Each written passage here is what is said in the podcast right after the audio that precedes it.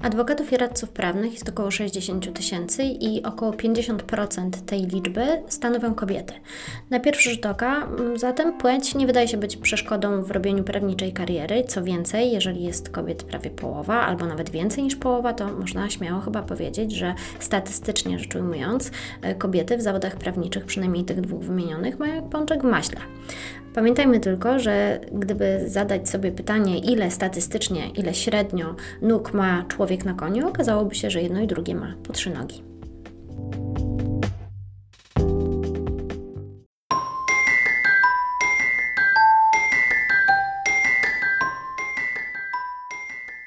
Panie od pokoju.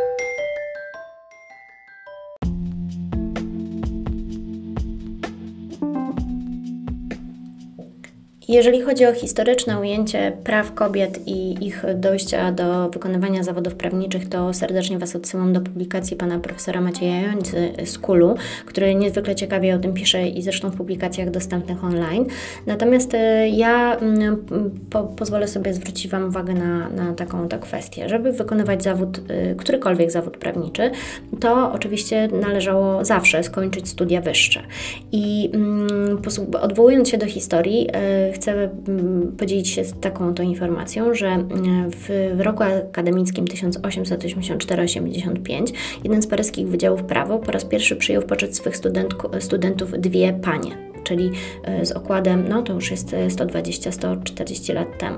Mm, natomiast do e, tego wydarzenia e, kadra odniosła się raczej bardzo nieżyczliwie, a same zainteresowane, te dwie studentki, które łaskawie przyjęto, miały nawet trudność w tym, żeby wejść do wydziałowych budynków z tej oto przyczyny, że dosyć nieprzejednaną w tym zakresie postawę przejawiał portier.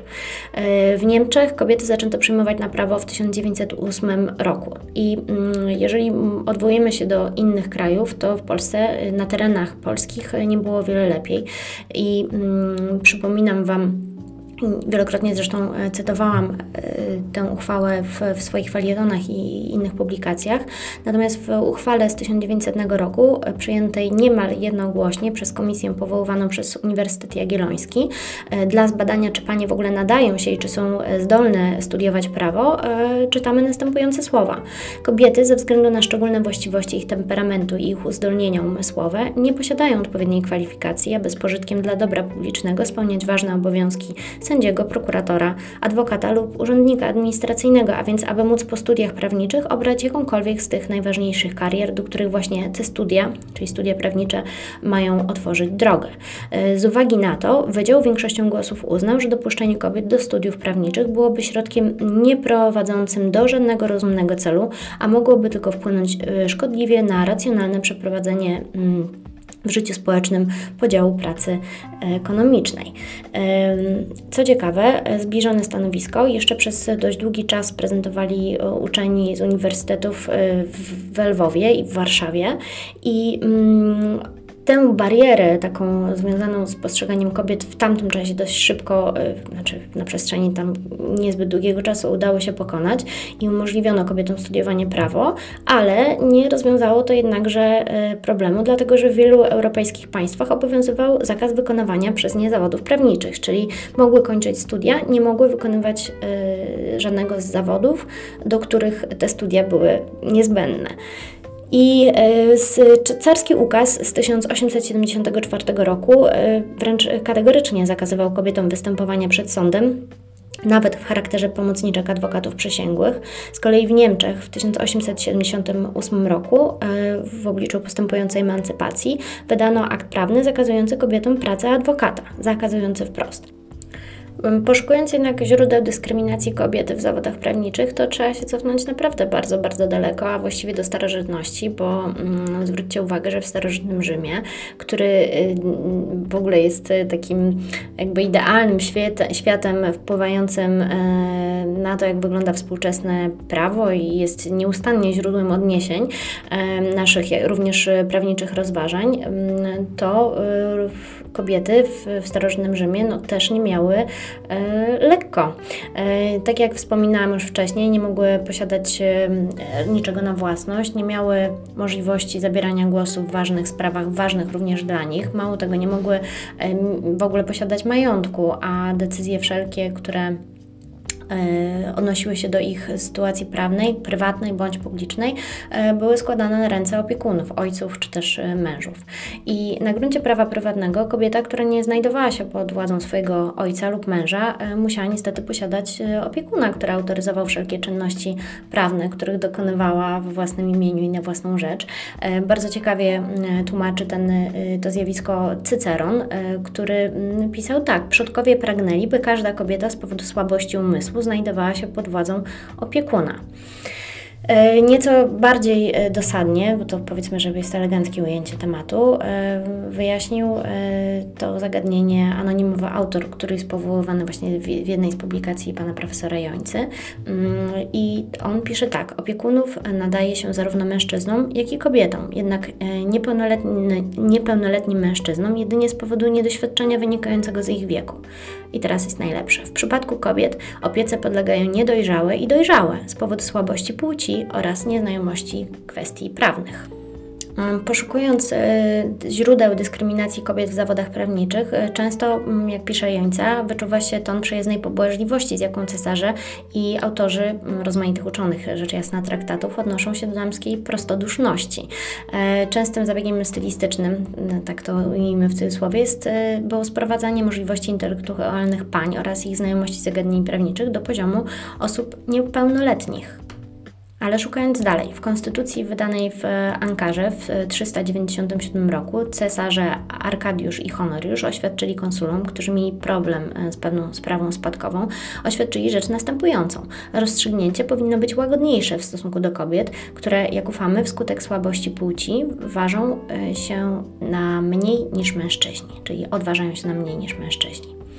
Więc jak widzicie, prywatno-prawna pozycja kobiet w państwie rzymskim zdecydowanie rzutowała na ich status e, zarówno e, właśnie nie tylko w sferze prywatnej, ale również e, w świetle przepisów prawa publicznego. I nie da się ukryć, że w tej materii kobiety mają wielowiekowe doświadczenie, mm, znaczy w, byciu, w, byciu, w niebyciu traktowanym jako podmiot.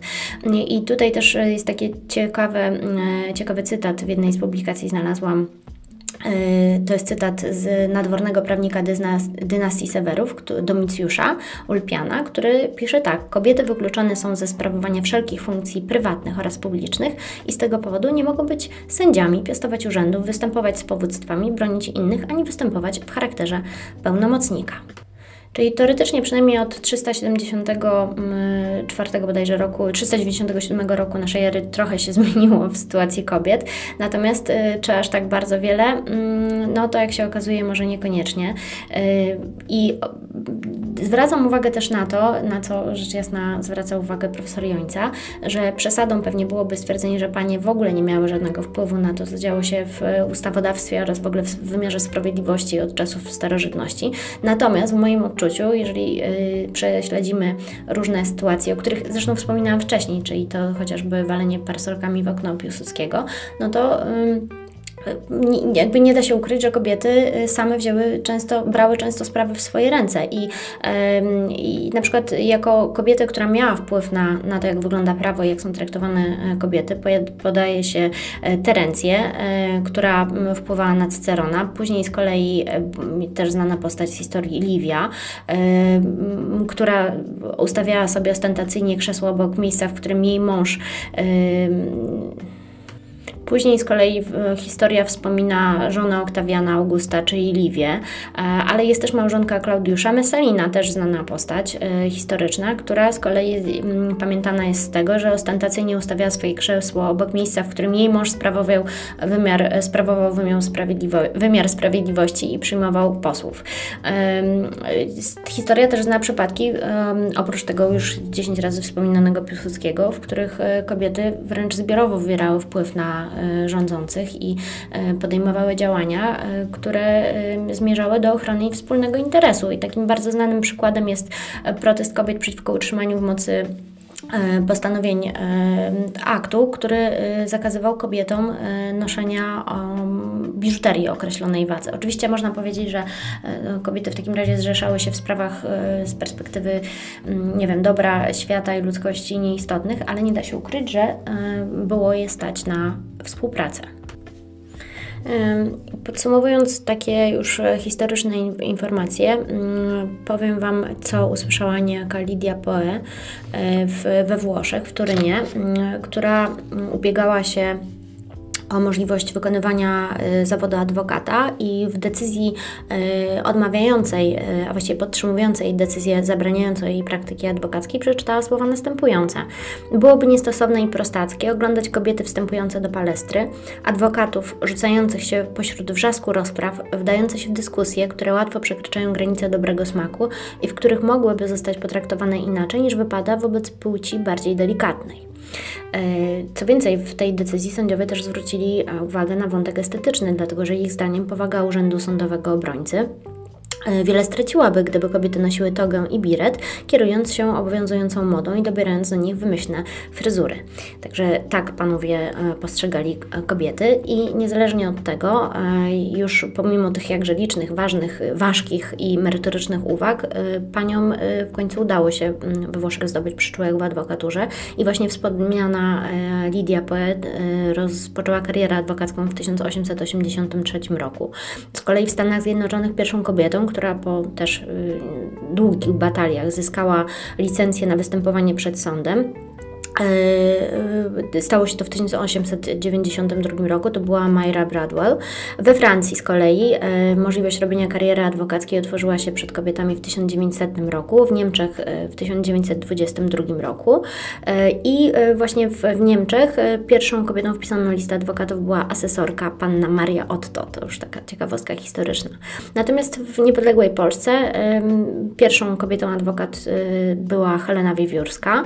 Ona została wpisana na listę mm, adwokatów w 1925 roku, a z kolei na pierwszego żeńskiego prezesa Naczelnej Rady Adwokackiej Pierwszym żeńskim e, prezesem Naczelnej Rady Adwokackiej została Maria Budzanowska. E, no i na to wydarzenie, przypomnę, że Wiewiórska w 25 roku e, została wpisana na listę adwokatów, natomiast na to, żeby Budzanowska została prezesem NRA, przyszło nam poczekać do 1982 roku. Także skoro prześledziliśmy już e, losy e, kobiet, e, które walczyły o to, aby móc wykonywać zawody prawnicze od starożytności aż do, do 1982 roku, mam dla Was teraz taką oto zagwozdkę. Mamy rok 2020 i dzisiaj zajrzałam sobie do, weszłam na stronę adwokatura.pl i szczerze powiem, no, miałam jako takie pojęcie o tym, jaka, jak wygląda ta sytuacja, natomiast chyba nie zdawałam sobie sprawy ze skali problemu, ponieważ mm, tak, na 48 osób wchodzących w skład Naczelnej Rady Adwokackiej. Jeżeli chodzi o członków wybieralnych, mamy y, dwie kobiety, czyli na 24 osoby, które są wybierane specjalnie do składu Naczelnej Rady, są dwie kobiety. No byłam jeszcze ja trzecia, ale zrezygnowałam. Oprócz tego jest jeszcze 24 dziekanów y, poszczególnych izb i pośród tych 24 dziekanów są trzy panie. E, dziekan ora Bydgoszczy Justyna Mazur, dziekan ora w Częstochowie, e, w Częstochowie Aleksandra Przedpełska i dziekan ora Białymstoku, czyli jej Agnieszka Zemkę-Górecka. E, reasumując, na 48 osób, licząc wybieralnych i, nie, i tych z automatu wchodzących w skład NRA członków, mamy 5 pań. Mm, nie będę liczyła tutaj, jaki to jest procent, ale tak na oko wydaje się, że niezbyt duży. Szukając dalej, skład kolegium redakcyjnego Palestry, czyli flagowego tytułu naukowego polskiej e, adwokatury. W 30-osobowym mm, składzie e, właśnie mm, redakcyjnym, kolegium redakcyjnego Palestry są cztery kobiety, czyli na 38, na 30 osób cztery kobiety, a w trzyosobowym prezydium zgadnijcie, ile jest kobiet? Zero. Zatem można chyba śmiało powiedzieć, że adwokatura, która była bastionem kobiet y, niejako w 25 roku, była pierwszym zawodem prawniczym, który kobiety do siebie dopuścił, e, to po upływie ilu? Stu niespełna lat y, wydaje się, że y, specjalnie żeśmy się nie, nie posunęli do przodu.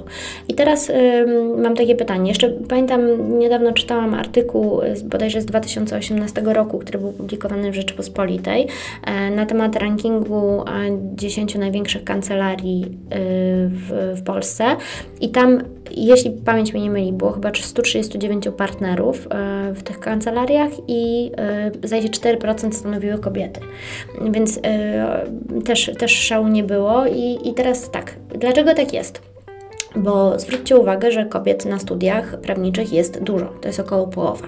E, mniej więcej także połowę ogólnej liczby mm, aplikantów stanowią kobiety i około połowę e, adwokatów e, i radców prawnych. I co się z tymi kobietami dzieje, że one później nie mogą się ani do, do, dobić do tych stanowisk zarządczych w kancelariach, w których pracują, ale także w samorządzie tych karier nie robią. Gdzie, co jest powodem takiego stanu rzeczy? Y, z czego to wynika.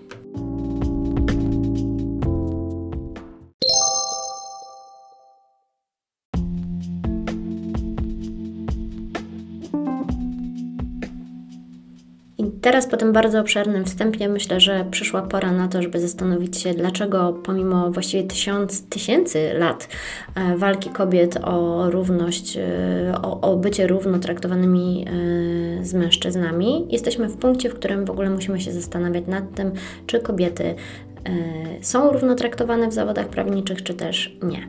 I mm, skoro się nad tym zastanawiamy, to chyba odpowiedź e, nasuwa się sama, natomiast e, trzeba przemyśleć, czemu tak się właśnie dzieje. I najprostsza odpowiedź, jaka przychodzi mi do głowy, to jest to, że kobiety po prostu mają więcej przeszkód niż mężczyźni.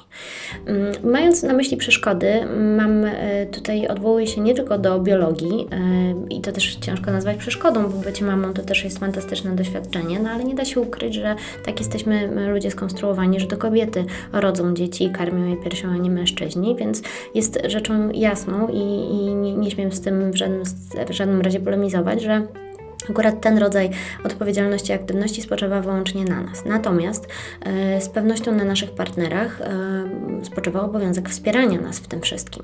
Jeżeli e, para ma dziecko, nie ma żadnych powodów ku temu, żeby to w sytuacji na przykład choroby dziecka, żeby to matka brała urlop z pracy i nie wywiązywała się ze swoich obowiązków, a nie robił tego ojciec. Zastanówcie się tymczasem, jak często, nawet rozejrzyjcie się po rodzinach, które kojarzycie i po swoich być może i zróbcie taki rachunek sumienia. Ile razy zdarzyło się, wedle Waszej wiedzy, że mm, to właśnie mężczyzna brał urlop i jakby to przełożyć jeszcze na ogólną liczbę znanych Wam e, par, e, jak często e, właśnie mężczyźni coś takiego robią. Nie tyle w jednej rodzinie, co w większej jakiejś liczbie. Mm, prawo jest tak skonstruowane, że oczywiście kobiety mają dłuższy urlop macierzyński, znaczy w ogóle mają urlop macierzyński. Ojcowie mogą tylko i wyłącznie brać urlop w dość krótkim czasie przez dość krótki czas do drugiego roku życia dziecka. Natomiast czy to samo w sobie jest powodem, dla którego to właśnie matka powinna zostać w domu i e, zajmować się wspólnymi dziećmi? Nie wiem, to prawdopodobnie jest odpowiedź, którą na, który, na pytanie, yy, znaczy odpowiedzi na to pytanie każdy z nas i każda z nas musi udzielić sobie yy, sama. Natomiast często też słyszę, że kobiety nie mają ambicji do tego, żeby być partnerami, żeby robić karierę w samorządzie. Jestem przekonana, że ta sytuacja nie ma nic wspólnego z ambicjami, tylko jest to po prostu realistyczne podejście do możliwości. Jeżeli yy, jesteśmy, funkcjonujemy jednak w społeczeństwie, y, które zorganizowane jest w ten sposób, że to matka zajmuje się domem, to matka zajmuje zajmuje się dziećmi, to siłą rzeczy kobieta musi swoje ambicje niekiedy wsadzić sobie w kieszeń i wręcz sama uwierzyć w to, że jedyne, na czym jej zależało, to to, żeby urodzić dzieci. Gdyby tak jednak było, z jakiego powodu wybierałaby studia prawnicze? Tylko po to, żeby móc później, nie wiem, e, składać prawidłowo reklamacje na e, źle, źle działające buty albo odpadający obcas? Wątpię. Mm, jeżeli mówimy o tym, że kobiety mają więcej przeszkód niż mężczyźni, to nie mam tu na myśli tylko i wyłącznie biologii, ale zwróćcie uwagę na taką prostą rzecz jak język. Odkąd pamiętam, w adwokaturze ciągle gorąca jest debata o tym, czy się jest adwokatem, czy adwokatką. Tymczasem bycie adwokatką nie wydaje się być niczym wstydliwym. Język polski już w latach dwudziestych ubiegłego wieku posługiwał się e, tytułami zawodowymi e, również w formie żeńskiej i dopiero okres PRL-u przyniósł zmiany w tym zakresie, kiedy wszyscy byliśmy na równi towarzyszami. E, zatem to, że my dzisiaj toczymy puste debaty o tym, czy tytuł zawodowy adwokat wynikający z ustawy to jest powód, dla którego ktoś może się przedstawiać jako adwokat, a nie może jako adwokatka, to, to jest po prostu w moim odczuciu strata czasu czasu i w gruncie rzeczy kolejny bastion, o który kobiety, te, którym akurat na tej formule zależy, muszą walczyć. Mm, ja jestem zdania, że równouprawnienie buduje się na każdym poziomie życia, również na poziomie języka i jeżeli e, ktoś, e, jeżeli kobieta e, sama oczekuje, że będzie postrzegana jako adwokatka, a nie jako adwokat, to dlaczego jej tego, bronić? Argument w postaci, często zresztą przytaczany, w postaci tego, że ustawa stanowi tak, a nie inaczej, też jest, e, wydaje się, przynajmniej mi, dosyć jałowy, jeżeli weźmiemy pod uwagę, że ustawę z 1982 roku uchwalał e, parlament składający się w przeważającej mierze z mężczyzn. No to trudno też byłoby oczekiwać od tychże wizjonerów, że, że braliby pod uwagę jakieś inne y, formuły. Jeżeli mówimy o przeszkodach, e, które e, są przed kobietami, no to powiedzmy sobie też szczerze, my same jesteśmy świetnymi przeszkodami. E, nam, kobietom, często brakuje wiary w siebie, same jesteśmy swoimi największymi krytykami, e, ale też jesteśmy skłonne do tego, żeby krytykować e, inne kobiety. Mm, jedna z Was na Instastory odpowiadając na pytanie, czy spotkałyście się z przypadkami dyskryminacji, też mi opowiedziała o tym, że mm, brał udział w rozmowie, był również jej kontrkandydatem mężczyzna i z kolei zatrudniającą osobą była kobieta i to właśnie kobieta nie dość, że zatrudniła oboje, to jemu dała wyższe wynagrodzenie, więc wydaje mi mi się, że to jest taki dosyć nawet jaskrawy przypadek e, nierównego traktowania kobiet, ale przez kobiety. Mm, myślę, że każda z Was ma w swoim otoczeniu e, oby tylko jedną, ale taką koleżankę, która często pod pozorem przyjaznej e, rozmowy po prostu Was krytykuje i to w takich e, kluczowych e, kwestiach, które mm, jakby są podstawą budowania własne, poczucia własnej wartości i przekonania o własnych możliwościach.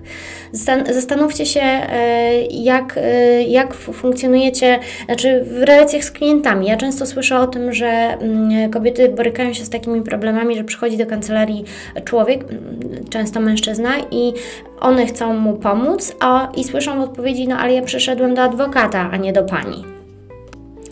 E, I chyba w gruncie rzeczy od reakcji nas, nas samych na tego typu sytuacje e, zależy to, jak będziemy też traktowane przez e, innych.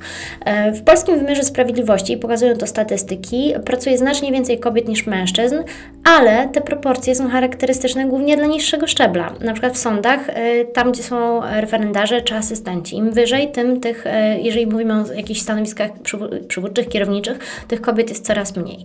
Mm, jeśli ja bym miała E, pokusić się o wylistowanie powodów, dla których kobiety nie są równo traktowane w zawodach prawniczych, ale sądzę, że nie tylko w tych zawodach, to bym powiedziała, że tak, jest to brak pewności siebie, to jest na pierwszym planie.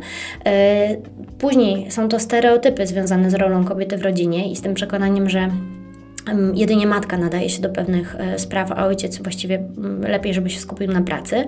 E, co więcej, przeświadczenie, e, ale ono jest, to też jest powiązane z tym brakiem pewności siebie. Natomiast kobiety w dużej części są przeświadczone, że nie mogą domagać się awansu, że sama rozmowa z szefem o tym, że y, chciałyby mieć jakąś inną funkcję niż mają w, strukturze, w której funkcjonują, czy też poprosić o, y, zażądać wręcz y, podwyżki, to, no to jest coś, co nas ogranicza I, i też myślę, że każda z nas kiedyś tego doświadczyła. Ja z całą pewnością wiem, że miałam duży kłopot i zawsze miałam duży kłopot z tym, żeby rozmawiać o pieniądzach. Powiem więcej, ja ten kłopot mam również dzisiaj już funkcjonując e, blisko 10 lat na rynku jako adwokat samodzielny. Także rozmowy o pieniądzach są dla mnie zawsze wielkim problemem, a dla porównania moi koledzy nigdy tego problemu nie mieli i e, bez najmniejszych oporów e, żądali podwyżek, więc no, siłą rzeczy trudno jest się też obrażać na pracodawcę, że nie daje nam podwyżki, skoro my same o nie się nie ubiegamy.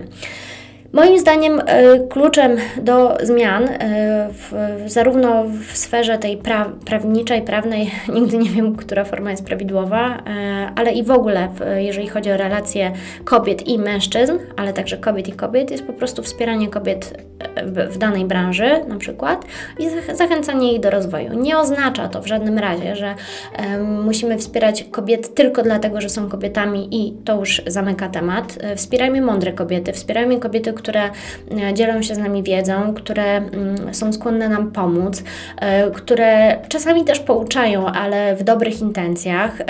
Wspierajmy siebie nawzajem i przede wszystkim wydaje mi się, że zwyczajnie musimy wierzyć w siebie. Wiara w siebie to jest w ogóle temat rzeka i nawet nie śmiem E, próbować e, weń wchodzić w, jakiś, w jakimś szerszym zakresie, bo nie, nie, nie czuję, żebym miała do tego jakiekolwiek e, uprawnienia. Natomiast z własnego doświadczenia wiem, że jeżeli ja sama nie jestem przekonana, że coś mi się należy, że czegoś chcę od życia albo od innych ludzi, to nigdy tego od nich nie dostaję. Więc no, chciał, nie chciał myślę, że droga do równouprawnienia po prostu powinna się zaczynać e, w nas samych. I to właściwie tyle. A, jeszcze tylko dodam na sam koniec, że mm, w 69-osobowej Krajowej Radzie Radców Prawnych są 23 kobiety, czyli stanowią 1 trzecią składu. E, to jeszcze tak uzupełniając statystyki, o których wspominałam wcześniej.